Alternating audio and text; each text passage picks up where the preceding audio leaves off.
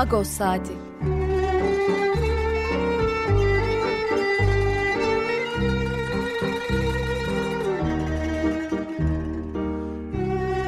Haftalık Agos gazetesinin penceresinden Türkiye ve Dünya gündemi.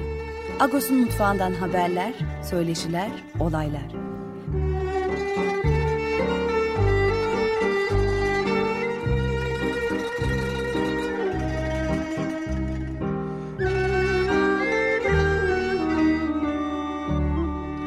Radyo Agos. Radyo Agos'tan günaydın. Parlus, ben Yetver Tanzikyan. Bu hafta ben yardımcı olacağım. Neyle başladık? Hemen anons edeyim. Çok önemli bir albüm çıktı. E, Kalan Müzik'in 30. kırılış yıl dönümü için bir albüm yayınlandı. Aradinkyan arşivinden taş plaklarda Amerika'daki Ermeniler 3 CD ve kitapçıktan oluşan bir set bu.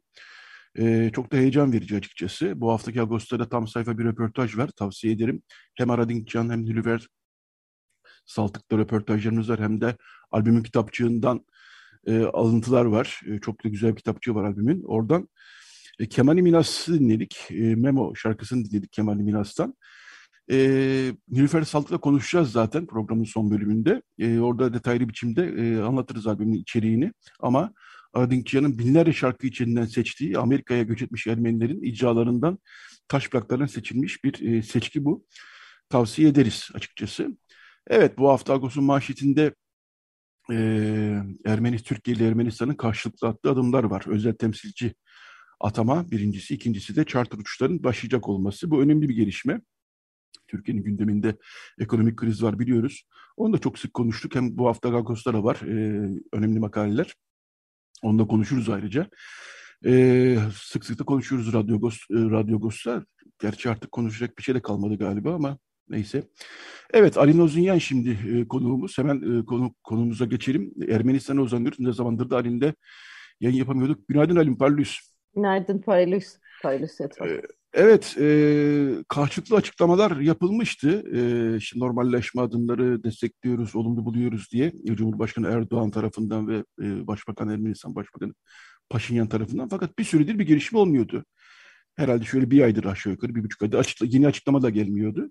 Birdenbire Mevlüt Çavuşoğlu, Dışişleri Bakanı Mevlüt Çavuşoğlu mecliste e, konuşurken karşılıklı özel temsilci atacağız dedi. Bu önemli bir gelişme e, olarak gözüküyor gerçekten de.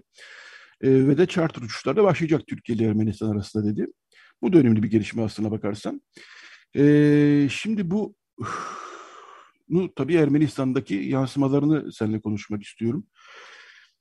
E, baktım ben, yani Ağustos'ta var bu hafta. İktidar ne diyor, muhalefet ne diyor? Muhalefet biraz mesafeli. İktidar da çok böyle bir şenlik havasında olmasa da yani önemli buluyor bunları. Bununla bağlantılı da aslında şey oldu.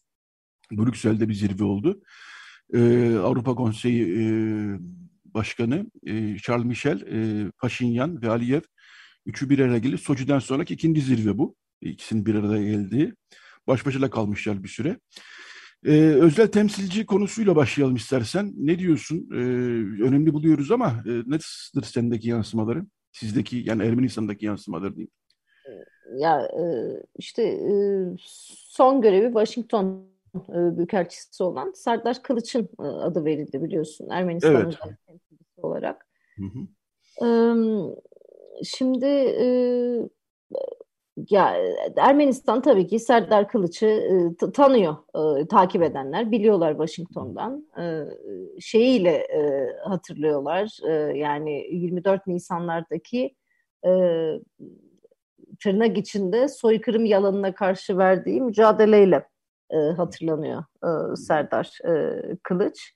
E, ben e, Ermenistan tarafında özellikle aklı başında e, insanların yani böyle politik olarak muhalefet etmeyen yani spor olarak muhalefet etmeyen sadece konuyla ilgili sorular soran insanlarda şunu görüyorum. Herkesteki temel endişe şu, Türkiye tarafı böyle e, yıllarını vermiş, artık e, yaşı kemale ermiş diplomasi konusunda oldukça e, iddialı bir e, kişi atarken biz kime atayacağız? Acaba bizim buna karşılık gelen bir e, diplomatımız var mı? Tabii buradaki endişe Ermenistan'ın tabii ki e, buna e, bu, bu derde diplomatları var. Ama onlar e, yeni hükümetlerine ilişkiler içerisindeler. Hı. Çünkü Paşinyan hükümeti biliyorsun bir tarafta kendi istifa edenler oldu. Bir tarafta Paşinyan hükümetinin çalışmak istemediği insanlar oldu Dışişleri Bakanlığı'ndan. E, belirli bir e, zayıflama da buradaki dışişlerinde oldu. Ben temel tereddütü bu şeyde görüyorum. Yani biz buna karşı kimi e, çıkartacağız şeyi var, sorunsalı var ama diğer taraftan da bakacak olursak yani tamam e, Washington Büyükelçisi daha önce e, NATO misyonunda görevde bulunmuş, e, Lübnan'da büyükelçilik yapmış Beyrut'ta, E, Tokyo'da e, yanlış hatırlamıyorsam. E, şimdi kariyer olarak gerçekten donanımlı, önemli noktalar dediğimiz yerlerde büyükelçilik yapmış. Yani Washington, Londra bunlar şey diplomasi de hep şeydir. Çok, çok Kariyer. önemli kariyerdir bunlar. Hı hı. E şimdi böyle bir şeyden sonra e, Yerevan e, bir taraftan da şey demek. E, biz bu e, süreci önemsiyoruz demek. Öyle sıradan birini e, görevlendirmiyoruz demek. E, ilk başta öyle geliyor insana. E, ama sonra şeyi de anlıyorsun. E, burada başka bir şey var. Burada aslında Serdar Kılıç'ın görevlendirilmesinin sebebi tırnak içinde sen bu Ermenileri biliyorsun, bunların dilinden anlıyorsun. Sen bunlarla uzun süre çalıştın. Çünkü biliyorsun Beyrut da yani Orta Doğu'da Beyrut işte Ermenilerin çok önemli bir e, kalesidir siyasi olarak da hele hele eski yıllarda. E, ben biraz bunu görüyorum. Aslında bu da hoşuma gitmiyor. Yani şu açıdan hoşuma gitmiyor. E, bu, bu, bunun adına normalleşme deniyor. Yani bunun adına yine kavga denmiyor. O anlamda keşke e, işte ne bileyim ben post-Sovyet e, ülkelerde görev yapmış, Moskova'da görev yapmış, Rusça bilen, bölgeyi bilen, e, hatta e, son 20 senede e, Ermenistan ve Türkiye arasındaki gizli ve açık e, şeylerde, toplantılarda bulunan bu işin normalleşmesi için çaba sarf eden diplomatlardan e, biri olsaydı diye benim gönlümden geçiyordu ama Türkiye'nin durumunu da biliyoruz. Türkiye'nin de kendi Dışişleri Bakanlığı ile kavgası var. Orada tasfiyeleri var. E, biraz bu anlamda iki ülkede süreç benziyor aslında. Ta, tam olarak benzemese de eski diplomatlarla bu, bu işin sürdürülmeyeceği e, ne dair iki tarafta da bir e, yönelim var. Bu beni üzüyor, şu açıdan üzüyor. Benim de şahitlik ettiğim e, o süreçteki e, önemli insanlar, bu işe gönül veren, e, bu işe zaman veren insanların şimdi e, böyle bir e, adım atıldığında, böyle bir umut olduğunda ortalıkta olmaması iki taraftan da beni biraz rahatsız ediyor, öyle söyleyeyim sana. Evet, Türkiye-Ermenistan diyalog grubu vardı açıkçası. Başka inisiyatifler de vardı bu 2000'lerde faaliyet gösteren. Orada da eski diplomat olmakla beraber bu konularda yani görüşme konusunda deneyimli olan insanlar vardı. Bunlardan değil de e, biraz e, sert pozisyon diyebileceğimiz bir yerden bir isim seçildi Türkiye'den ama e, çarşamba akşamı açıklandı Türkiye'nin özel temsilcisi. Hı hı. Bugün cumartesi oldu. Ermenistan'dan hala bir e, şey yok. E, yani bu iş biraz uzayacak mı acaba diye ben de Ermenistan'a yanında açıkçası düşünmedim değil ama sonuçta artık bu karar alındı. Sanıyorum bu kararın netleştirilmesi de e, geçen cuma 10 Aralık'ta yani 3 artı 3 dedikleri formatın bir toplantısı oldu Moskova'da. Hı hı. Orada Türkiye, Azerbaycan, e, Rusya, İran ve Ermenistan'ın Dışişleri Bakan Yardımcıları ilk kez 3 artı 3'ün toplantısı hı hı. E, olmuştu benim takip edebildiğim kadarıyla sanki orada netleştirildi değil mi bu iş herhalde son noktası orada konulmuş gibi gözüküyor. Son noktası orada konuldu ama ilk noktaya da bakacak olursak Karabağ Savaşı'ndan sonraki ateşkesle başladı aslında bu süreç. Evet. Ee, yani yetver. O ateşkesin biz e, maddelerine baktığımız zaman e, savaşı durdurmanın ötesinde, ateşkes olmanın ötesinde bir bölgesel proje görüyorduk. Bir sene boyunca da ara ara konuştuk burada, Radyo Agos'ta seninle de biliyorsun. Hı hı. Orada Rusya'nın bir e, projesi, bir planı var. Yani bölgedeki tüm yolları, enerji yollarını, hı hı. ticaret yollarını, genel yolları, kanalları açmak gibi işte o proje e, hayata geçiril geçirilmeye başlanıyor şu anda. Yani o, olan bu aslında. Yani Türk Türkiye Ermenistan diyaloğundan öte bir şeyden bahsediyoruz. Daha büyük bir şeyden bahsediyoruz. Bu büyük şey içinde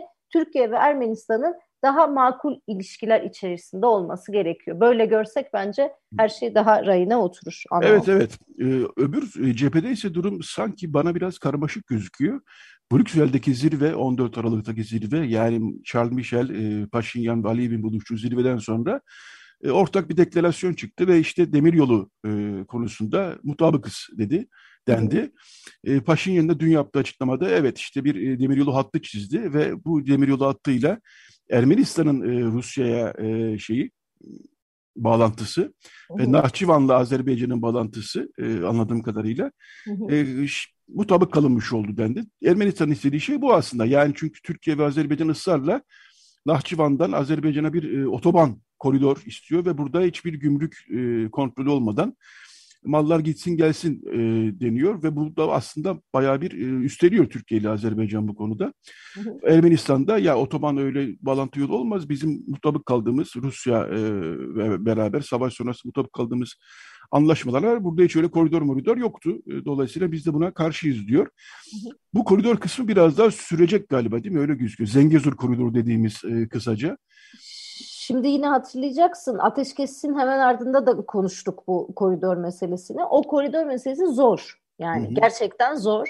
Çünkü o koridor meselesi yani e, sırf Ermenistan'ın görüşü, inisiyatifi, arzusuna bağlı bir şey değil. Yani orada bir İran var, orada bir Rusya var. O koridor, e, ben hep diyorum kızıyorlar insanlar ama e, o koridor kimsenin istediği bir şey değil. E, zaten bu süreçte biz çok iyi anladık. E, olurlar ya da olmazlar Ermenistan'ın isteği üzerine, sadece Ermenistan'ın isteği üzerinde gelişmiyor. Hı hı. E, da, daha geniş bir şey var e, biraz önce dediğim gibi. O koridor işi zor öyle söyleyeyim sana. Şimdi o, onlar kendi iç e, şeylerini kamuoylarına nasıl sunarlar, nasıl satarlar e, bunlar başka konular. Hatırlayacaksın yine e, ateşkes imzalandığında işte Türkiye'den Çin'e kadar Türk koridoru açıldı denildi mesela. Hı hı. Yani şimdi o, o işin yorumları, o işin e, yine diyorum satışı e, farklı olabilir ama gerçekler her zaman aktarıldığı gibi de değil yani. Peki e, ben bu gene de karşılıklı özel temsilci atama meselesine e, tekrar geri dönmek istiyorum. Hı hı. E, kişisel olarak peki e, yani biz gazeteci olarak analist olarak biraz tabii bütün işin perde arkasına bakmaya çalışıyoruz ama kişisel olarak aslında bu e, bu kadar sene sonra yani protokoller gelişmesi vardı en son yakınlaşma anlamında. Somut hı hı. adım olarak yani karşıtı açık, açıklamalar dışında somut adım olarak ilk e, somut gelişme diye düşünüyorum ben. Dolayısıyla bu e, yani biz Türkiye'deki Ermeniler e, hangi pozisyonda olursak olalım Türkiye Ermenistan arasındaki bir diyaloga her zaman destek verdik. Yani bu e, Hrant Dink zamandan beri böyle açıkçası. Dolayısıyla bunu da e, perde arkasındaki pürüzlere e, dikkatli bakmakla beraber toplamda destekliyoruz. Yani ben en azından destekliyorum mesela. E, desteklemek, desteklememek dışında süreç içinde baktığın zaman e, önemli bir gelişme olduğunu düşünür müsün sen de? Ne dersin? Şöyle, e, öncelikle katılıyorum dediğine. E, Türkiye ve Ermenistan arasındaki her diyalog hükümetlerden bağımsız olarak desteklenmeli. Ben bunu her zaman söylüyorum. Çünkü bu çok donmuş bir sorun. Bu hiç normal olmayan bir şey. İki ülke arasında anlaşmazlıklar olabilir. Çok büyük tarihi anlaşmazlıklar olabilir. Ama ilişkisizlik kabul edilebilecek bir şey değil. Sorunların çözümü için ilişki gerekiyor. Bunun da ilk adımı normalleşme. Katılıyorum dediğine. Ben sadece Türkiye Ermenileri özelinde değil, aklı başında tüm Ermenilerin e, Ermenistan'ın geleceği içinde bu adımı desteklemeleri gerektiğini düşünüyorum. Bu e, birincisi. İkincisi evet önemli. Yani şöyle önemli. Bu anons, işte bu çıkış önemli. Ama diğer taraftan şunu unutmayalım. Benim anladığım kadarıyla Serdar Kılıç gelip Yerevan'da merkezde bir ofis kiralayıp falan oturmayacak. Yok. E, yani değil. özel temsilci diyoruz ama bu dediğimiz özel temsilci e, Türkiye-Ermenistan arasındaki görüşmelerde, toplantılarda, müzakerelerde Türkiye'yi temsil edecek. Hı hı. Şimdi bu açıdan baktığımız zaman geçmişte bu temsiliyet bir kişi değil, 3-4 diplomat tarafından yapılıyordu. Yani her zaman bir temsiliyet vardı. İşte Viyana'daki gizli görüşmelerde, İsviçre'deki gizli görüşmelerde, protokol öncesi dönemde. Şunu demek istiyorum. Yani bu ilk defa olan bir şey değil. Bunun çok daha kapsamlısıyla e, Türkiye-Ermenistan görüştü e, geçmişte. Hı hı. E, tabii burada niyet önemli, irade önemli. Yani gerçekten niyet ve irade varsa e, karşılıklı masaya oturulup bir şey çözülecekse e, önemli bir adım.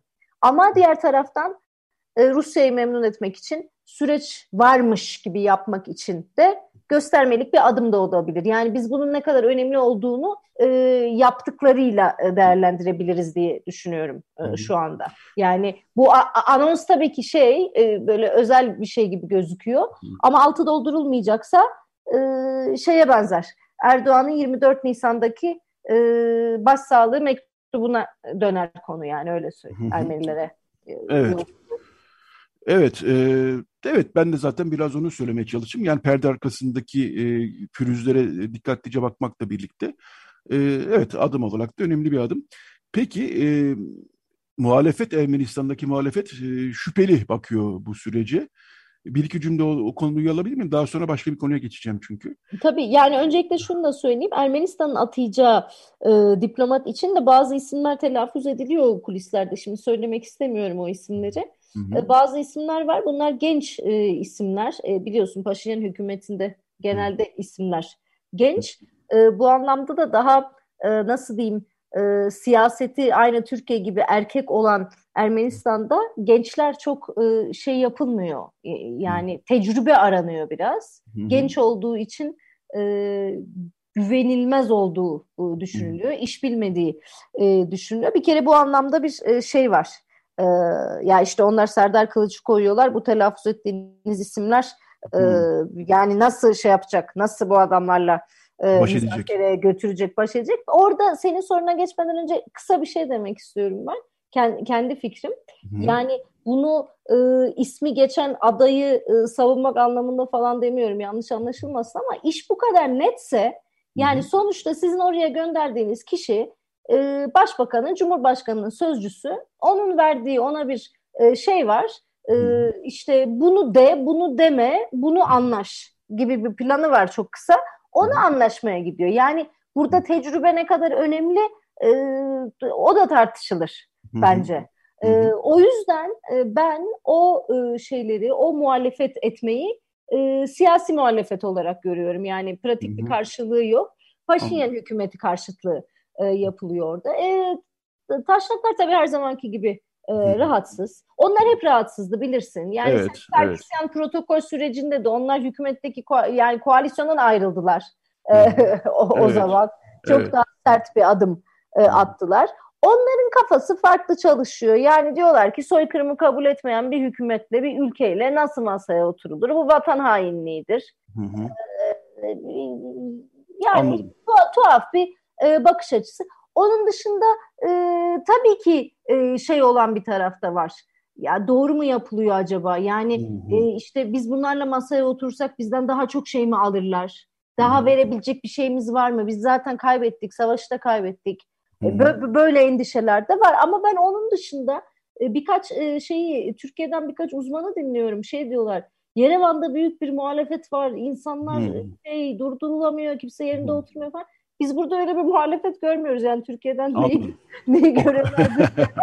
yani öyle bir, ya burada da insanların bir sürü derdi var. Hani Türkiye'de şimdi böyle gündeme bomba gibi düştü. Bize göre bomba gibi düştü. İnsanlar orada da işte ekmekti, dolardı, başka şeylerin peşinde. Evet, evet, e burada evet. da insanların bir sürü başka derdi var. Ben öyle yani sokaklarda böyle bir muhalefet falan mağazalara girdiğim ben, falan duymuyorum yani öyle. Ben de görüyorum. İnsanların hakikaten öncelikli dertleri var. Türkiye'de nasıl ekonomi büyük bir dertse Ermenistan'da kendi gündelik sorunları var. Çok kısa bir iki cümle şey de. Bu Yerevan Belediye Başkanı'yla bir uğraşılıyor galiba sanki.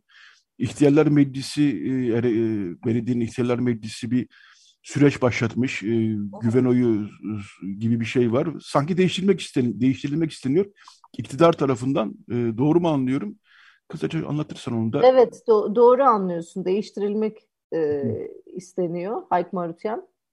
Ki bir kom komedyen komedyen de bir siyasete atılmıştı üstelik. E, sanatçıydı, evet. evet. İyi bir e, belediye başkanı. E, onu söyleyebilirim. E, aslında son derece mütevazı, çalışkan, e, batılı, e, yani şey e, bana seçimlerden önce Yerevan Belediye Başkanı kim olsun derlerse yani Hayk Marutyan olsun derdim. E, hı hı. E, bence çok yakışıyor. Çok da güzel çalıştı. Hı hı. Ama Hayk Marutyan şöyle bir şey yaptı. savaştan sonraki ikinci seçimlerde yani Paşinyan'ın böyle bir güven oyu gibi e, girdiği seçimlerde benim artık e, partiyle hareketle ilişkim kalmamıştır. Ben e, Yerevan'ı düşünüyorum dedi yani. Hmm. Benim siyasi şeyim Yerevan'dır dedi. Hmm. E, şimdi anlaşılabilirdi onun orada o yaptığı. Çünkü seçimlerden Paşinyan'ın nasıl çıkacağı belli değildi. Yani zar o da bir kendi zar attı yani. Öyle. yani. O da bir pozisyonunu korumaya başladı ve dedi ki ben görevime sadığım. Beni Yerevan'a yaptığım şeylerle değerlendirin. Beni Hı-hı. siyasi kimliğimle değerlendirmeyin gibi bir şey demiş oldu ama sonuçta Hayk siyasi e, duruşuyla e, belediye başkanlığına aday gösterildi parti tarafından. Şimdi Hı-hı. bu nüansı da görmek lazım. Yani. Yerevan'ı iyi yöneteceğine tabii güvendi e, birçok insan ama Paşinyan'a olan yakınlığıyla da yani meydanlarda Hayk hep Paşinyan'ın yanındaydı devrim, e, Kadife devrim e, sürecinde ama iş, işte seçimden önce o da öyle bir siyasete bulaştığından dolayı öyle yuvarlak bir laf etti. E, ne yazık ki e, şimdi parti de e, harekette Paşinyan da anladığım kadarıyla affetmiyor onun Anladım. e, şeyini. E tabii o da yanlış. Yani evet. gerçekten Hayk Marutyan'ı yaptığıyla değerlendirmek e, gerekir. Evet. Onlar da bu pozisyonu çok siyasallaştırdılar. Yani ben e, şeyi doğru bulmuyorum. Hükümetin yaptığını e, doğru bulmuyorum. O tırnak içindeki o cezai antipatiyi Hayk Marutyan'a karşı doğru bulmuyorum. Çünkü çalışkan bir e, Yerevan e, Belediye Başkanı iyi şeyler yapıyor. Ben e, umarım kalır diyorum ne olur. Evet. Ama İktidar, iktidar bir tür ceza kesiyor gibi bir tırnak içinde evet. hava var açıkçası. Evet. Ee, çok teşekkürler Ali Nozunyan. Ee, sen de ne zamandır yayın yapamıyorduk. Bundan sonra e, yapacağız tekrar tabii ama Bakalım e, olaylar nasıl gelişecek, süreç nasıl ilerleyecek. Yine de e, önemli bir adımdı. Çok teşekkürler Alin. E, sağ ol yayına katıldığın için. Sana iyi bir hafta sonu sana iyi bir hafta sonu diliyorum sana. Teşekkürler. Teşekkürler, iyi yayınlar. İyi Teşekkürler, yayınlar. sağ olasın. Evet, e, yayının başında bahsettiğimiz Aradinkciyan e, arşivinden taş plaklarla Amerika'daki Ermeniler e, CD'sinden 3 e, CD'lik bir setten bir şarkı daha çalacağız. Bu sefer Karekin Prudyan e, söyleyecek. Dayanılmıyor doktor e, diyecek e, Karakin Prudian. Daha sonra bir reklam arası. Daha sonra da Garopaylarına bağlanacağız. Aynı konuda bakalım onlar ne diyecek. Evet dinliyoruz. Radyo Agos. Evet, günaydın tekrar. E, radyolarını şimdi açan izleyicilerimize, bunu söylemeyi çok isterim ben. Yayınımıza şimdi bağlanan seyircilerim, dinleyicilerimize daha doğrusu. Evet, bu bölümde HDP Milletvekili Garopaylan konuğumuz. Günaydın Garopaylus. Parlus Yeto, günaydın. Günaydın, hoş geldin. Ee, senden önce e, Ermenistan'a uzandık. Ali Nozunyan'la e, konuştuk. E, neyi konuştuk? Tabii ki bu e, Türkiye-Ermenistan arasındaki normalleşme e, ilişkisinde, sürecindeki en somut adım olan karşılıklı özel temsilci atama ve Ermenistan ile direkt uçuşların başlaması, charter uçuşların daha doğrusu başlaması konusunu konuştuk. E, Ali Nozunyan Ermenistan cephesine ve kendi analist e, deneyimlerinden e, bulundu. Şimdi e, bu hafta senin demecin de vardı Ağustos'ta. E, çok da önemli şeyler söyledin. E, biraz seninle konuşalım istiyorum bu konuyu. E, sen öncelikle bu e, karşılıklı özel temsilci atama adımını nasıl değerlendiriyorsun? Yeto biliyorsun geçen yıl e, acı bir savaş yaşandı ve ben bu savaşı durdurmak için çok çabaladım. Yani pek çok tabii ki ben derken pek çok barış e, sevdalısı çabaladı. Aslında barış sevdalıların sesi az çıkıyordu. Türkiye'de savaş tamtamları çalıyordu. Ve ben o zaman bu savaşın kazananı ne Azerbaycan ne Ermenistan ne de Türkiye olacak demiştim. Bu kazan savaşın üç tane kaybedeni olacak. Azerbaycan, Ermenistan başta olmak üzere Türkiye de bu savaşın kaybedeni olacak ve Rusya e, tek kurşunu atmadan bölgeye yerleşecek, yerleşecek demiştim. Maalesef dediğim çıktı. Hatta bunu pek çok Türkiye'den şu anda e, tabii ismini veremeyeceğim e, üst düzey yetkili de bunu itiraf etti. E, bu savaşta sonucunda Rusya'nın Karabağ'a yerleşmesi, Azerbaycan'a yerleşmesi, Ermenistan üzerindeki etkisini artırması ve Türkiye'nin de bu savaştan e, sonucunda istediği şeyi alamaması. Yani istediği şey şuydu daha fazla bölge üzerinde hegemonyası olacak, sahada olacak, masada olacak ama bundan hiçbirisi olmadı. Ve ben daha sonra yaptığım temaslarda, bu bir yıldır yaptığım temaslarda savaşın kaybedeni olduk. Gerin barışın kazananı olun, olalım diye pek çok siyasi partiyle görüşmeler yaptım. AKP, CHP ile, İyi Parti ile, hatta MHP ile e, mecliste pek çok görüşme yaptım. Hükümetle görüşmeler yaptım ve bu konuda adımlar atılması gerektiğini söyledim. E, öz, özellikle Türkiye-Ermenistan ilişkilerinin normalleştirilmesi için artık hiçbir engel kalmamıştır dedim. Bu fikri e, olgunlaştırdık. Ve bu konuda da e, Ermenistan'ın da e, hazır olduğunu, daha doğrusu hazır ol derken elbette bir travma yaşamıştı Ermenistan ama bu konuda e, Paşinyan hükümetinin de istekli olduğunu e, ve e, yapılan seçimlerde de hani savaşçı politikalar yerine barışçı politikaları öneren Paşinyan'a Ermenistan halkının destek verdiğini gördük ve Paşinyan seçim sonrası yaptığı açıklamalarda Türkiye ile normalleşme arzusunu ortaya koydu. Buna Cumhurbaşkanı Erdoğan da mukabele etti. E, Dışişleri Bakanı Mevlüt Çavuşoğlu da mukabele etti. Ve bunun sonucunda normalleşme isteği vücut bulmaya başladı. Nihayetinde bu özel temsilci atanmaya kadar vardı bu diplomasi çabaları. Şimdi normalleşmeyi konuşuyoruz. Yani normalleşme dediğimiz şey aslında yani iki sınır e, komşusu arasında veya iki sınır komşusu olması zorunda değil. Sorunlar olabilir. Yani pek çok sorun var Türkiye Ermenistan arasında. Ön yargılar var. Ama no, normalleşme dediğimiz e, sınırların açılmasıdır. Ticari, diplomatik, ekonomik, kültürel ilişkilerin başlamasıdır. Yani Türkiye ile e, mesela İran arasında, Irak arasında, Suriye arasında sorunlar yok mu? Var. E, Bulgaristan, Yunanistan'la da sorunlar var. Ama bu ülkelerle e, sınırları kapatmıyoruz. Diplomatik ilişkiler evet Suriye ile şu anda yok ama bunlar tamamen kapalı durumda değil. Yani bu anlamda normalleşme dediğimiz bu adımlar ve bu adımlarla ilgili de ön yargıları kıracak ilk adımlara ihtiyaç var. Yani güven artırıcı tedbirler anlamında. Mesela uçak seferlerinin başlaması aslında son derece küçük bir adım ama en azından yani ön yargıları kıracak ve güven artırıcı tedbirler anlamında ilk adım olarak görülüyor. Bununla beraber özel temsilciler bir, bir yol haritası çalışacaktır diye düşünüyorum. Bunun üzerine düşünüyoruz. Hı hı. Ben bunun üzerine 2009 yılını hatırlattım herkese. 2009 yılında biliyorsun futbol diplomasi adında diplomasi vardı. O zaman pek çok güven artırıcı tedbir çalışılmıştı. Yol haritası çalışılmıştı.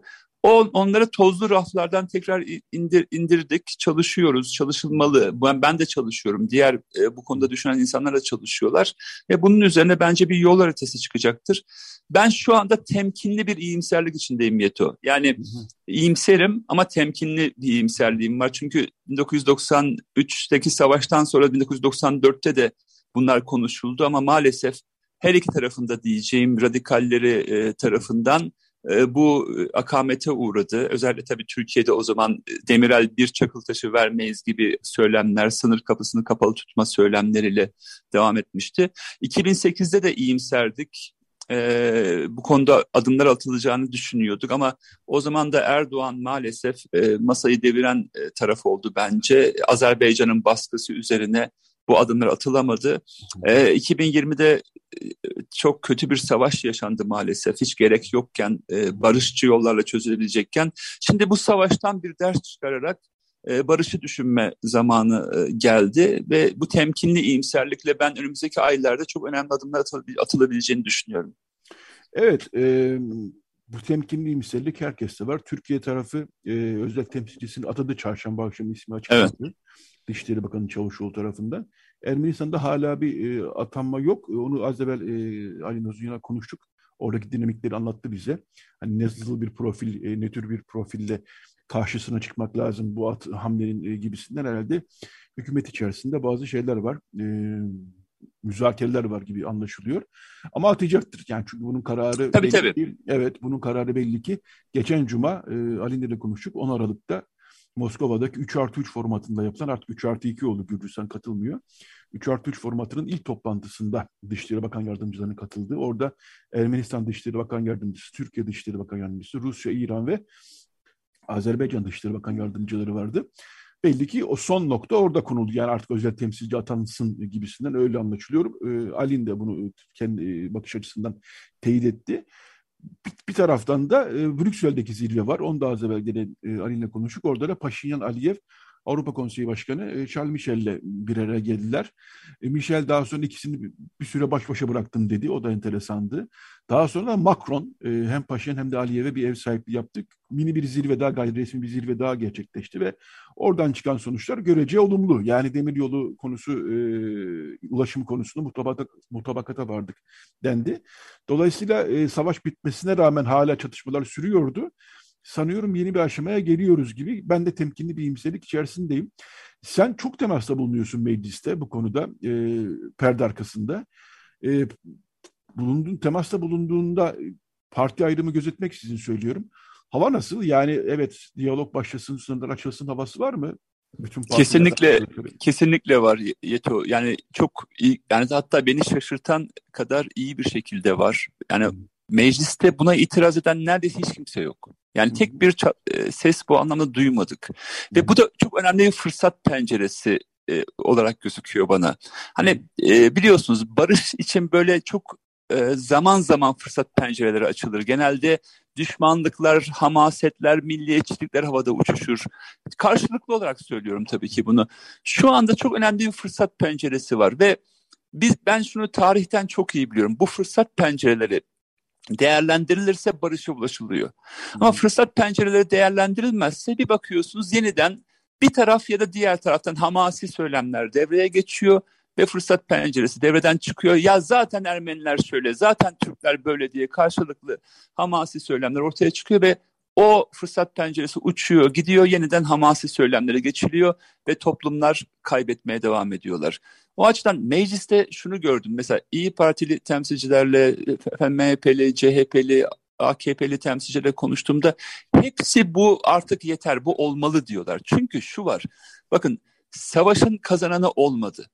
Bu net ve Türkiye de bunu gördü. Yani bu savaşta hepimiz kaybettik, bunu gördü. Ve bundan bence herkes kendi payına bir ders çıkardı. Şimdi diplomasiyle hep beraber kazanma zamanı. Mesela ne isteniyor? koridorlar açılsın, yollar açılsın, tren yolları açılsın deniyor. Ne kadar güzel. Mesela Türkiye işte Nahçıvan üzerinden Azerbaycan'a ulaşmak istiyor bir şekilde bir yol, geçiş yolu.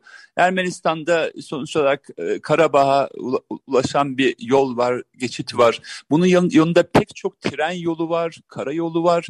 Düşünebiliyor musunuz? Ticaret yani iki halklar arasında, ülkeler arasında yapılması gereken en doğal şey. Kültürel ilişkiler. Yani düşünsenize şunu görecek herkes. Kültürel ilişkiler. O sevgili Osman Kavala biliyorsun bununla ilgili çok önemli çabalar içindeydi. Evet. İşte çeşitli kültürel topluluklar Ermenistan'dan Türkiye'ye geliyordu. Türkiye'den Ermenistan'a gidiyordu. Bunlar mesela Azeri ve Ermeni halkı ya herkes şöyle bilir. Bizi dinleyenler bilsin. 30 yıl önceye kadar bu iki halk birlikte yaşıyordu ya. Yani Erivan'da e, Azeriler yaşardı Ermenistan'ın pek çok noktasında. Bakü'de ve e, Azerbaycan'ın pek çok yerinde de Ermeniler yaşardı. Bu iki halk birbirinden ayrı gayrı düşmüş, hep ayrı yaşayan, hep düşman olan halklar. Böyle bir şey yok ki. Bunlar bir arada yaşama kültürü olan halklar.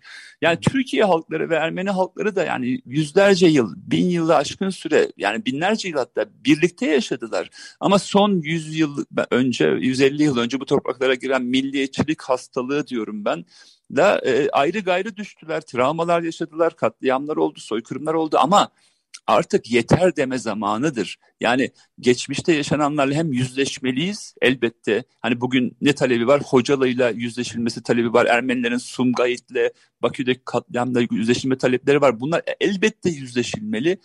Bu hatalardan ders çıkarmalıyız. Ya, e, e, hesaplaşmalıyız, yüzleşmeliyiz. Ama bir de geleceğe bakmalıyız artık. Yeniden Ermenistan ve Azerbaycan'ın barışmasının önünde hiçbir engel yok şu anda bence. Ve bu konuşmaların sürmesi ve Aliyev'in de bu konuda istekli olması olduğunu görüyorum. Paşinyan da zaten bu yönde irade koymuş durumda. Ve görüyoruz ki Avrupa Birliği olsun, e, Rusya da bu konuda e, herhangi bir engel ortaya koymuyor. Türkiye bu görüşmeleri destekler noktada olursa ben Azerbaycan-Ermenistan e, barışı yönünde önemli adımlar atılabileceğini düşünüyorum. Karabağ'daki oradaki Ermeni halkın gelecek güvencesi anlamında önemli adımlar atılabileceğini düşünüyorum. E, Türkiye-Ermenistan sınırının gelecek yıl içinde açılma umudum var. Yani bu biliyorsun Hrant Dink'in de bir hayaliydi. Evet. E, gerçekleşmemişti maalesef. Bu benim de hayalim. Yani bu bunun önünde hiçbir engelin olmadığını düşünüyorum. Bu konuda önümüzdeki yıl e, gelişmeler olabileceğini umut etmek istiyorum. Değil mi? Hala temkinli bir iyimserlik içindeyim. Hayal kırıklığına uğrama olasılığı tabii ki var. Ama bu yönde mecliste çok önemli bir mecliste genel siyaset atmosferde istek var, arzu var. Ben de bu isteğin e, sona ermesi, sonucunu alması için her türlü sorumluluğu alacağım. Yani evet. Ermeni yani Ermeni dünyasında ön yargıları var. Bunu çok iyi biliyorum. Yani bizde öyledir. Yani Türk kimliğine karşı bir ön yargı vardır. Haklı ön yargılardır bunlar çünkü pek çok travma yaşamıştır Ermeni halkı bu anlamda. Ama şimdi barışı konuşma zamanı, barışı düşünme zamanı. Ee, eğer yine ters bir şey olursa tabii ki ön yargılarımız depreşebilir ama ben bu sefer iyimser olalım, yapıcı olalım diyorum Ermeni halkına, Türk halkına, Türkiye halklarına bu anlamda ve bunu tamamına erdirelim e, diyorum. E, bu konuda herkese e, katkı sunmaya davet ediyorum buradan. Evet, e, her türlü sorumlu olacağım e, sözüne ki e, Agostar'a söylemişim bunu. Döneceğim biraz e, birazdan onu açmanı isteyeceğim kısaca. E, şunu da ben eklemek istiyorum tabii. Yani bu e, meclisteki e, senin temasta bulunduğun her partinin temsilcisinin ve her parti üyesinin e, olumlu bakmasında bir miktarda şey var bunu da kabul etmek lazım. Bir hani e, Türkiye açısından bir zafer havası var ya şimdi e, o da e, sanıyorum bir şey yapıyor insanları e, siyaset e, dünyasına en azından. Evet artık şimdi başlayabiliriz e, görüşmelere gibi bir hava oluşturmasına e, sanıyorum ki yardımcı oluyordur. Bir bu ikincisi de Tabii e, Erdoğan bunu e, normalleşme adımlarını ilk açıklarken e, bunu şuna dayandırdı. Bir ekonomik, bölgesel ekonomik e, kalkınma hamlesi. Yani nasıl e, tarif ediyor bunu? Altı ülkeli, altılı bir, altı ülkeden oluşan bir format var. Türkiye, Rusya, Azerbaycan, İran, Gürcistan, Ermenistan. Bu altı ülkenin içinde olduğu bir format içerisinde ekonomik açıdan hamle yapalım. Yani Türkiye'nin biraz sanki ekonomik açıdan oralara e, ulaşmaya da ihtiyacı var gibi gözüküyor. Bunlar olsun yapacak bir şey yok yani hani e, zaten böyle ilerliyor bazı şey. Yani Türkiye ile İsrail mesela büyük oranda ekonomik e, ilişkiler üzerinden aslında kendi siyasi tahribatlarını onardılar e, geride bıraktığımız 10 sene içerisinde. Dolayısıyla bunlar e, hayat böyle evet yani hani e, bunu not etmek lazım ama e, ben de hani kendi düşüncemi burada bir not olarak aktarmış olmak isterim. Ama e, senin her türlü sorumluluğu almaya hazırım sözüne e, gelmek istiyorum. E, sen e, bu süreç içerisinde Ermenistan'a da gidip gelmek istedin ama hem pandemi yüzünden hem de koşullar yüzünden biraz zor oldu. Şimdi artık böyle bir niyetin var mı? Ermenistan'a gidip veyahut da diasporaya gidip bu konuları biraz temaslara bulunmayı düşünüyor musun? Elbette düşünüyorum. Yani şöyle ki zaten Ermenistan'a e, e bu e, gitmeyi e, istiyordum ancak e, bir türlü bu e, adımlar olgunlaşmamıştı. Ya yani ben sonuç olarak temkinli iyimserlik derken e, Türkiye'deki iktidarın bu konuda samimi olduğunu e, görme e, noktasını bekledim. Artık bu özel temsilciler atandığına göre artık e, bu samimiyet testini e, aşmamız gerektiğini düşünüyorum. E, bu konuda bir irade var ortada, bir istek var, arzu var. Çünkü ben şöyle düşünüyorum e, Yeto, ortada bir zafer havası da yok onu söyleyeyim. Bu hamasi bir söylem olarak var ama e, e, yani nesnel durumu gören herkes ortada bir zafer olmadığını görüyor. Yani bu savaşın hepsi yani Türkiye'de kaybedeni oldu. Bunu görüyor ve e, bu barışın sonuç olarak ancak bu Rusya hegemonyasını bölgedeki Kafkaslardaki büyük abi hani e, küçük çocuklar kavga eder büyük abi gelir ayırır ama bölgeye yerleşir. E, politikasının Türkiye'de kaybettiğini herkes görüyor. Türkiye'nin ben şunu anlattım hep kazanmasının tek bir yolu var barış. Ermenistan'la barış sınırlarının açılması, normal ilişkiler ve Azerbaycan-Ermenistan barışı. Ve şunu görecek herkes bakın. Ermenistan, e, Can Azerbaycan diyoruz ya burada deniyor Can Azerbaycan. Güzel, ne güzel. Yani bir komşu ülkeye can denmesi çok güzel ama biz Ermeniler de can kelimesini kullanırız öyle değil mi? Garocan evet, deriz, Yetocan evet, deriz birbirimize. Evet. Aynı, aslında Can Ermenistan demenin önünde de hiçbir engel yok ve Türkiye'de düşünebiliyor musunuz? Erdoğan çıkıp Can Ermenistan dese ben bütün Ermeni halkının gönlündeki buzların e, büyük oranda eriyeceğini düşünüyorum. Çünkü bir Ermeniye can dediğiniz zaman gönlündeki buzları eritirsiniz. Can Azerbaycan dediğimiz gibi can er Ermenistan diyebiliriz ve şunu da çok iyi biliyoruz. Kültürel olarak hani e, bu kadar birbirine yakın halk e, yani ortak bir geçmişi olan e, ve bu kültürünü birlikte inşa etti. Yani Ermeni kültürünü Türk kültüründen ayırt edemezsiniz. Tam tersi de doğrudur. Yani bunlar birbirine hemhal olmuş kültürlerdir. Çok hızlı bir normalleşme olabileceğini düşünüyorum. Bu konuda adımla atılmaya çok hazır olduğunu düşünüyorum ve ben de bu konuda her türlü sorumluluğu alacağım. Ne yapacağım? Yani şu anlamda Türkiye'deki samimi adımları gördükçe, iyi niyet adımlarını gördükçe, güven artırıcı adımlar konusundaki samimiyeti gördükçe gidip bunu Ermenistan'daki e, siyasetçilere ve halka ve diasporaya anlatmaya çalışacağım.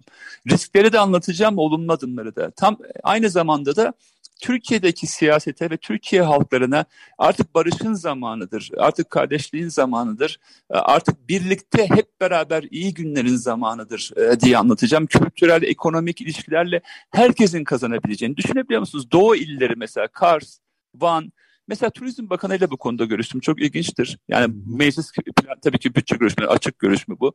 Yani dedim ki Ermenistan'a sonuç olarak turistler geliyor. Türkiye'de turistler geliyor ama iki sonuç olarak sınırın açılmasıyla birlikte oluşabilecek yani diyelim ki oraya 2 milyon turist geliyorsa buraya 1 milyon geliyorsa 10 milyon turist gelebilecek bir potansiyel vardır. Sınırların açılması, oraya gelen turistin buraya gelmesi, Van'ı görmesi, Kars'ı görmesi, Kars'ı gören turistin karşıya geçip Erivan'a geçmesi, oradaki kültürel varlıkları görmesi üzerine bir proje düşünsek hep beraber inanılmaz bir kalkınma planı olabilir. Yani kültürel anlamda da bir gelişme. Mesela düşün Trabzon Rize limanları.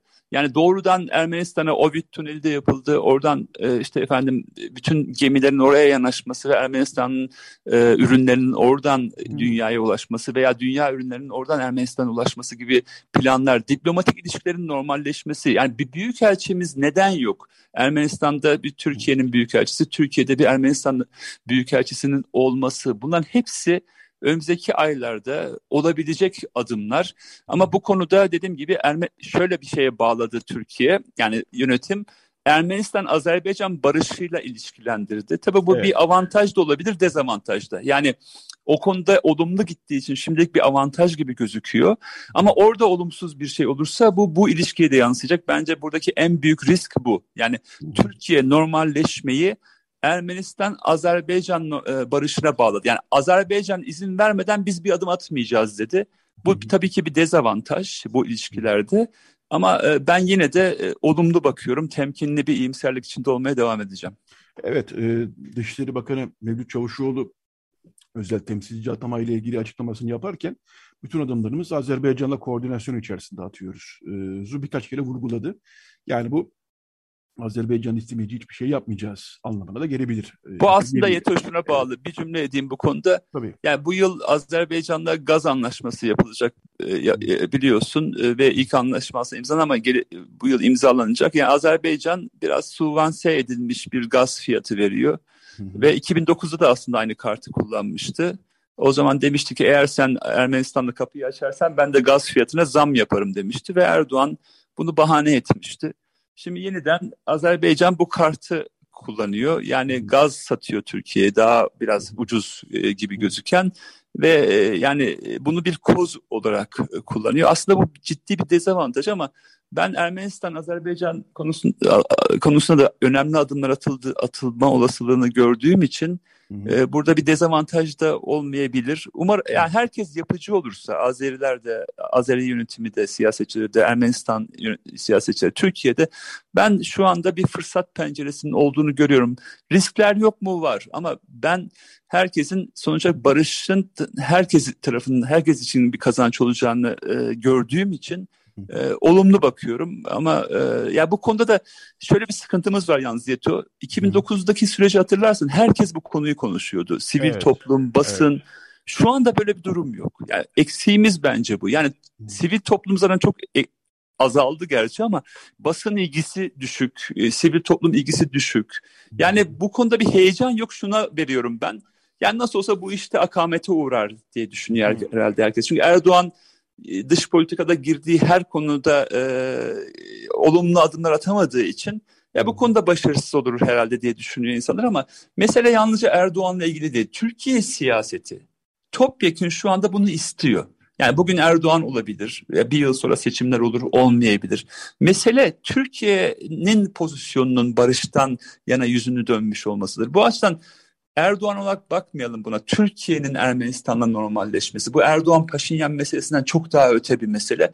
Hep beraber sorumluluk alalım diyorum ben. Yani tüm e, siyasetçiler, e, sivil toplum yetkilileri, gazeteciler, aydınlar bu konuda daha fazla düşünmeli ve sorumluluk almalı. Yani elini uzatmalı. O, ya, o 2009'da bir aydın inisiyatifi vardı biliyorsun. Aydınlar Ermenistan'a giderdi, evet. gelirdi. Yani bunu tekrar bunları bu tip şeyleri oluşturmalıyız. Ben bunların üzerinde de e, teşvik edici ve yani bunları örgütlenmesi için e, çabalar içinde olacağım. Peki Garo çok teşekkür ediyoruz. HDP ben teşekkür ederim. HDP milletvekili Garo Paylan konuğumuzdu. Türkiye Ermenistan arasındaki normalleşme adımlarındaki yeni hamleleri konuştuk. Çok teşekkürler Garo. Sana kolay ben, gelsin diyorum. Ee, ben teşekkür ederim Yetu. Haçoğlu. Teşekkürler. Sağ olasın. Sağ olasın. Evet e, bir şarkımız var. Şarkıya gitmeden bir iki anons da yapmalıyım. E, birincisi e, can dostumuz, yol arkadaşımız e, Kalin Karakaşlı annesi Lilian Karakaş'ı kaybetti. E, başsağlığı diliyoruz. E, bizim için de bir kayıp elbette ki bu. E, Karakaşçı ailesine, sevenlerine başsağlığı diliyoruz. E, cenazesi 12'de Bağlarbaşı'daki Surpaç Ermeni mezarlığı içerisinde e, yapılacak. Bunu duyurmak isterim. Bu hafta e, Surpagop e, yani Agopların isim günü. E, Sosyantik Acıoğlu e, Ağustos'ta e, Agop isimleri nasıl e, kutlanır e, gelenek içerisinde, yıllar içerisinde çok hoş bir yazı yazdı. E, bütün Agopların ismini kutluyoruz. İsminle yaşa e, deriz biz. İsminle yaşa diyoruz bütün Agoplara da. E, dediğim gibi Agoslara bu hafta hoş tatlı bir yazı var. Agos her zamanki gibi e, dolu dolu içeriğiyle bayilerinizde. Onu da e, tekrar e, söylemiş olayım. E, gerçekten de e, gündeme dair e, şeyler de var. E, değinmeler de var. Ercüment Bars e, ekonomik kriz, içinde bulunduğumuz, bulunduğumuz ekonomik krize dair e, geçen hafta da yazmış, bu hafta da yazdı uluslararası finans uzmanı. E, normalleşme sürecine dair e, yazılar var, röportajlar var. E, Ünal Çeviköz, e, Türkiye Ermenistan arasındaki yakınlaşma için çok çaba harcamışız zamanla CHP milletvekili. Ünal Çeviköz'le yaptığımız röportaj var. Evet, e, Ağustos dediğim gibi her zamanki dolu, gibi dolu dolu. Şimdi e, saat 10'dan sonraki blokta Nilüfer Saltık'la e, söyleşeceğiz ama reklama gitmeden de bir şarkı çalalım. E, sık sık çalıyoruz. Bu kadar Ermenistan konuştuk, Türkiye-Ermenistan ilişkileri konuştuk. E, Lucy Koşan e, ki onda Radyo Gaz'da e, dinleyicileri biliyorlardır. Lucy Koşan'dan Maşinen Egav şarkısını dinleyeceğiz. Maşine Ermenistan'da arabaya e, tarih boyunca, yakın tarih boyunca arabaya maşine e, denirdi. Şimdi yavaş yavaş ikna denmeye başlandı ama maşine yani bildiğimiz makine. E, Lucy Koş'a makine geldi ama işte e, sen de gel gibisinden bir aşk şarkısı bu aslında. Lucy, Koş, Lucy Koş'tan Maşine Egav'ı dinleyeceğiz. Daha sonra bir reklam arası, daha sonra Radyo Gos devam edecek. Evet, e, Radyo Gos devam ediyor. Şimdi e, birazdan Nilüfer Saltık'la konuşacağız. E, Nilüfer Saltık konumuz olacak kalan müzikten çok önemli bir albüm yayınlandı. E, Nilüfer e, Salt'ı kattığımızda ama o albümden yani Aradinkçi'nin derlediği e, Amerikalı Ermeniler, Taşbırak'ta Amerikalı Ermenilerin e, derlendiği kayıttan bir e, Hosrov Malül'ü dinleyeceğiz. Anadolu Kürt havası. E, bu ve e, yayının başında çalmıştık. Bu şarkıyı dinleyelim daha sonra kalan müzikten Nilüfer Saltık'ta sohbetimize başlayacağız. Evet ne dinledik? E, Hosrov Malül'dan Anadolu Kürt havası dinledik. E, yayın başlarken de çalmıştık. Çok önemli bir albüm yayınlandı. E, Kalan Müzik'in 30. yıl dönümü e, anısına. E, Aradinkçen arşivinden taş plaklarda Amerika'daki Ermeniler başlıklı 3 CD'lik bir ve kitaptan oluşan bir set yayınlandı. E, Aradinkçiyan binlerce şarkı arasından e, seçti bu şarkıları taş plaklarda ki e, Türkiye'den Amerika'ya Osmanlı'da diyebiliriz. E, Amerika'ya göçen Ermenilerin icralarından seçilmiş kayıtlar bu. Biz bunu çok heyecanla karşıladık. E, biliyorum ki Kalan Müzik de bunu heyecanla e, çalıştı bu proje üzerinde. Şimdi Nilüfer Saltık konuğumuz. Günaydın Nilüfer Hanım, hoş geldiniz. Günaydın, sağ olun, iyi yayınlar. Teşekkür ederim. Öncelikle Kalan Müzik'in 30. E, kuruluş yıl dönümü biz de buradan kutlayalım. E, çok önemli işler yapıldı. Hasan Saltık e, geçen yıl kaybettik onu. Geride bıraktığımız aylarla kaybettik artık geçen yıl diyoruz aralığın sonuna geldik zira. Ee, Hasan Saltık'ın baş liderliğinde çok önemli işler yaptı kalan müzik. Ve e, bu da aslında e, sanıyorum e, Hasan abinin e, başladığı bir projeydi Aradinkcan'la birlikte.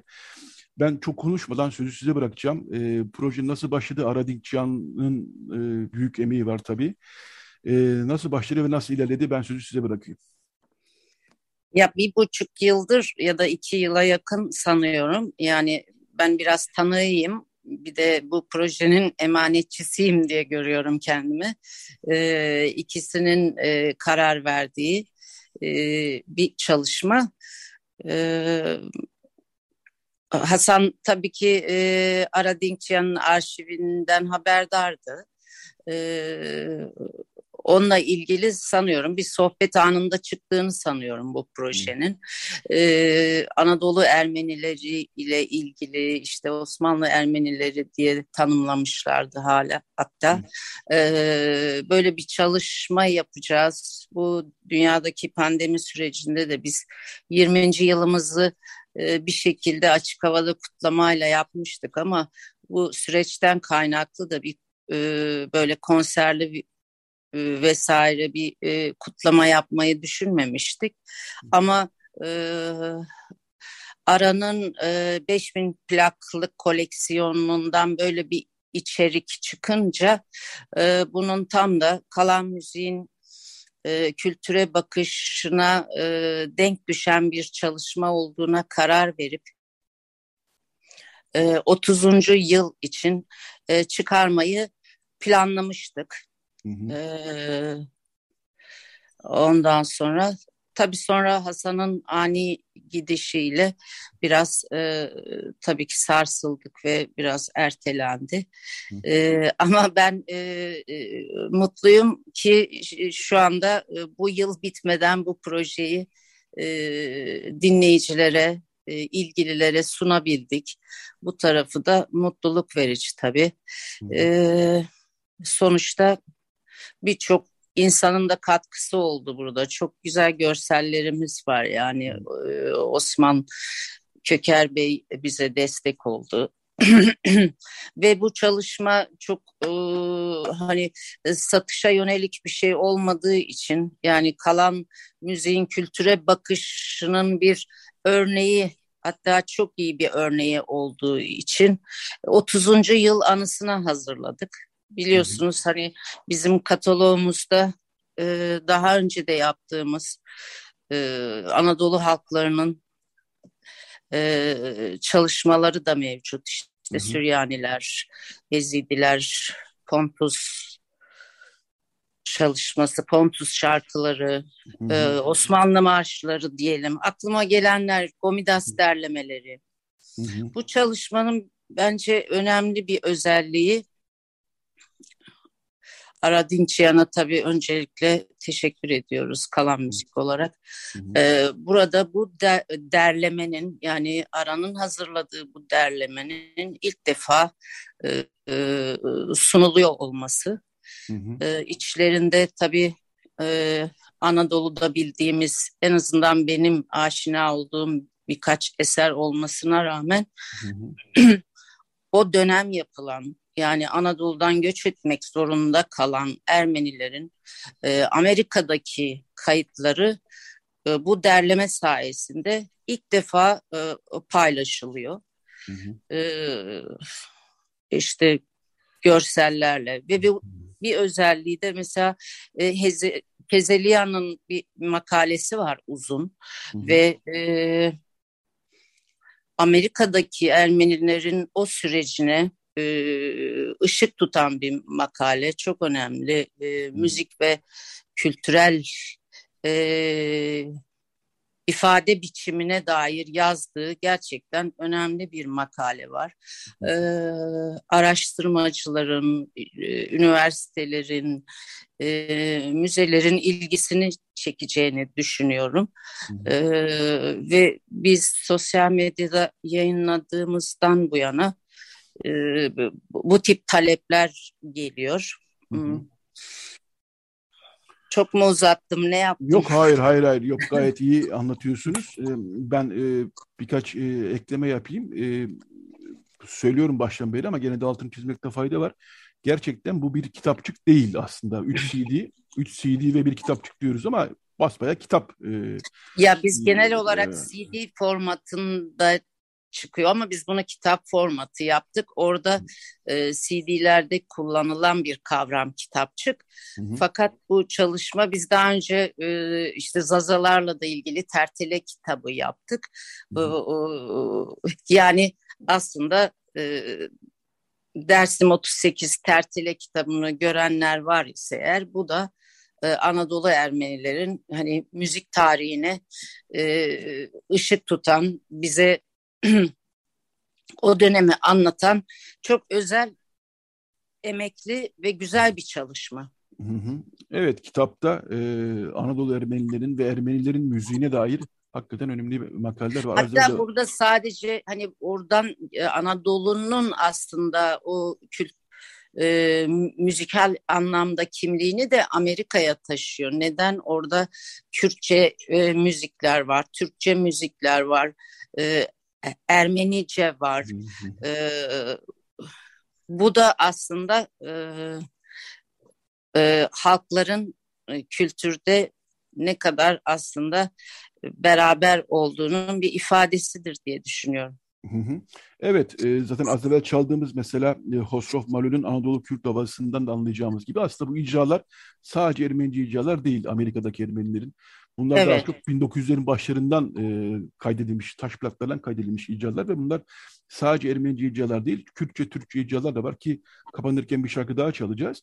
Dolayısıyla Anadolu'dan e, göç etmiş Ermenilerin, göç etmek zorunda kalmış Ermenilerin veyahut da aslında o kültürü Amerika'ya nasıl taşıdıkları ve o icra e, geleneğine nasıl bağlı kaldıkları e, gerek e, enstrümanlar anlamında gerekse seslendirme anlamında nasıl o Anadolu geleneğine bağlı kaldıklarına dair çok kıymetli örnekler bunlar. E, burada kitap demişken Nazım Dikbaş ve Altuğ Yılmaz'ın da e, çevirilerle ilgili emek verdiğinde burada hatırlatmış olalım. E, evet, evet ben evet. onu atlamadım söyleyecektim Tabii. ama benden önce davrandınız. evet. evet.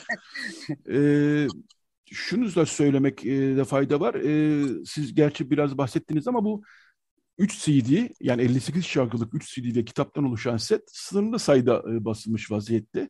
Bunu aslında bir ticari meta olarak e, düşünmediğinizi siz söylemişsiniz yayından önce.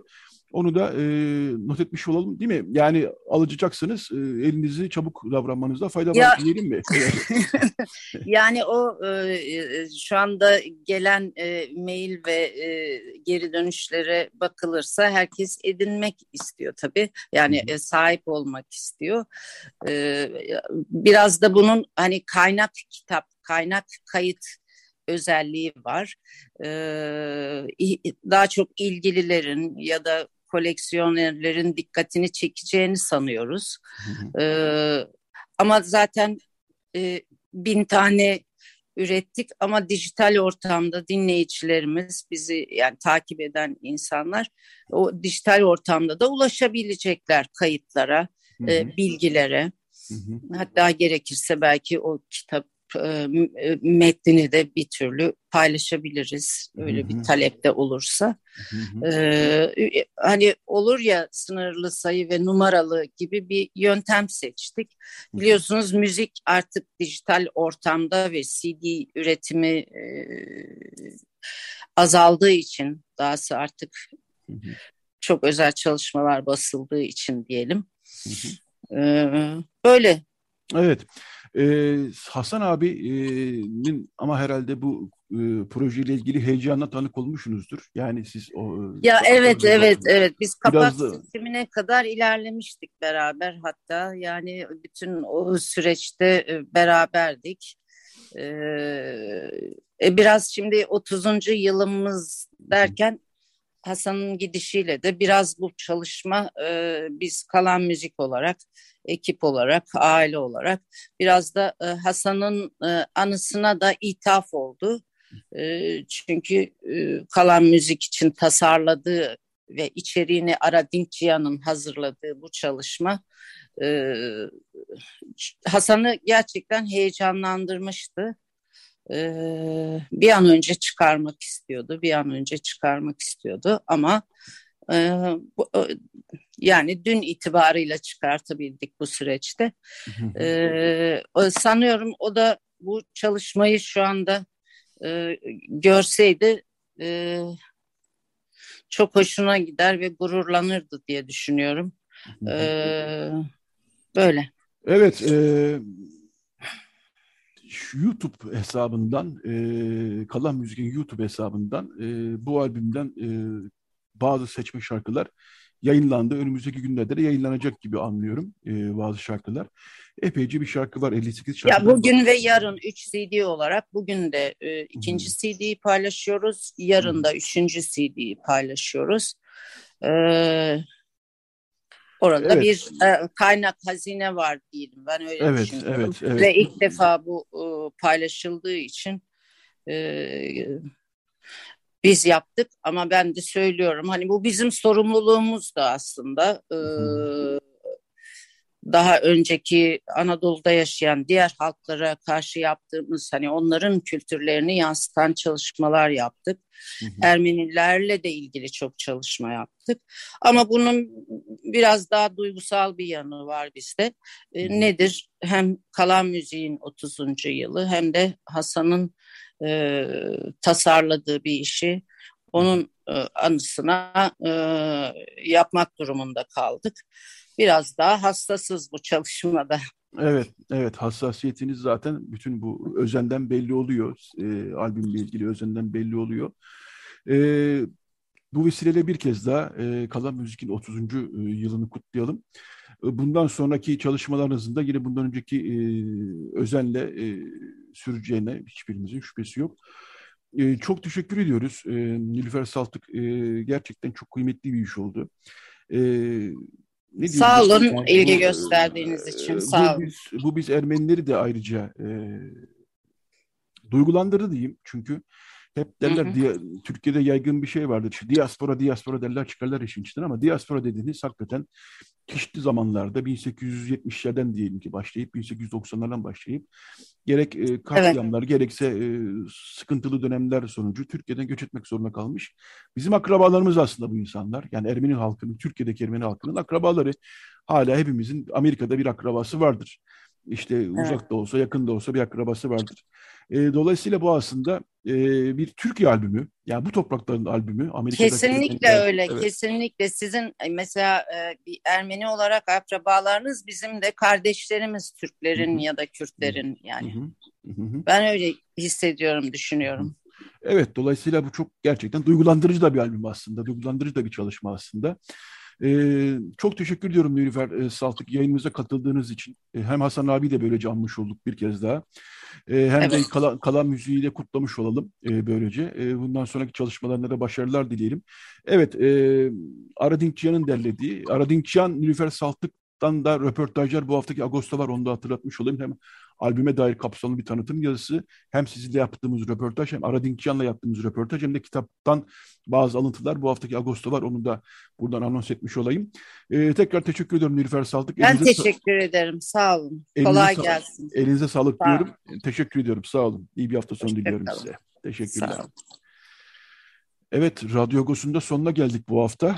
Ee, arada bir şarkı çalmak üzereydik. O şarkı aslında Devrim Kavalli'nin bir şarkısıydı. Devrim Kavalli'nin de Almanya'da çalışmalarını sürdüren bir müzisyen. Bu akşam bir konseri var Kadıköy Halk Eğitim Merkezi'nde. Onun da anonsunu yapmış olalım. Evet, e, Beren Baltaş yardımcı oldu e, reji masasında bize. Artık e, tabii ki kapanış şarkısında e, konuştuğumuz bu albümden yapacağız. E, Karekin Pruduyan'dan dinleyeceğiz. E, Kağıthane zamanı dinleyecek. Evet Aradinkcan'ın derlediği e, Amerika'daki Ermeniler e, taş plaklardaki Amerika'daki Ermenilerin icraları albümünden e, Karakin Prodiyon'u dinleyeceğiz. Kağıthane zamanı diyoruz ve herkese iyi bir hafta sonu diliyoruz. Haftaya yeni bir Radyo buluşmak üzere diyoruz.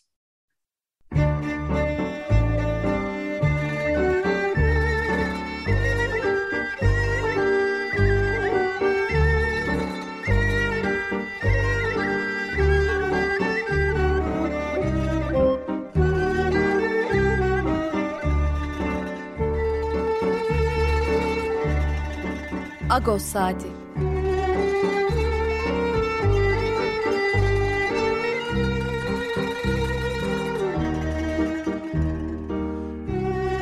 Haftalık Agos gazetesinin penceresinden Türkiye ve dünya gündemi.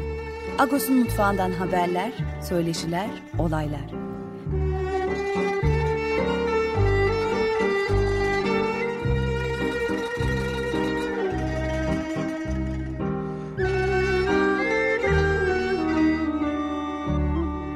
Radyo Agos.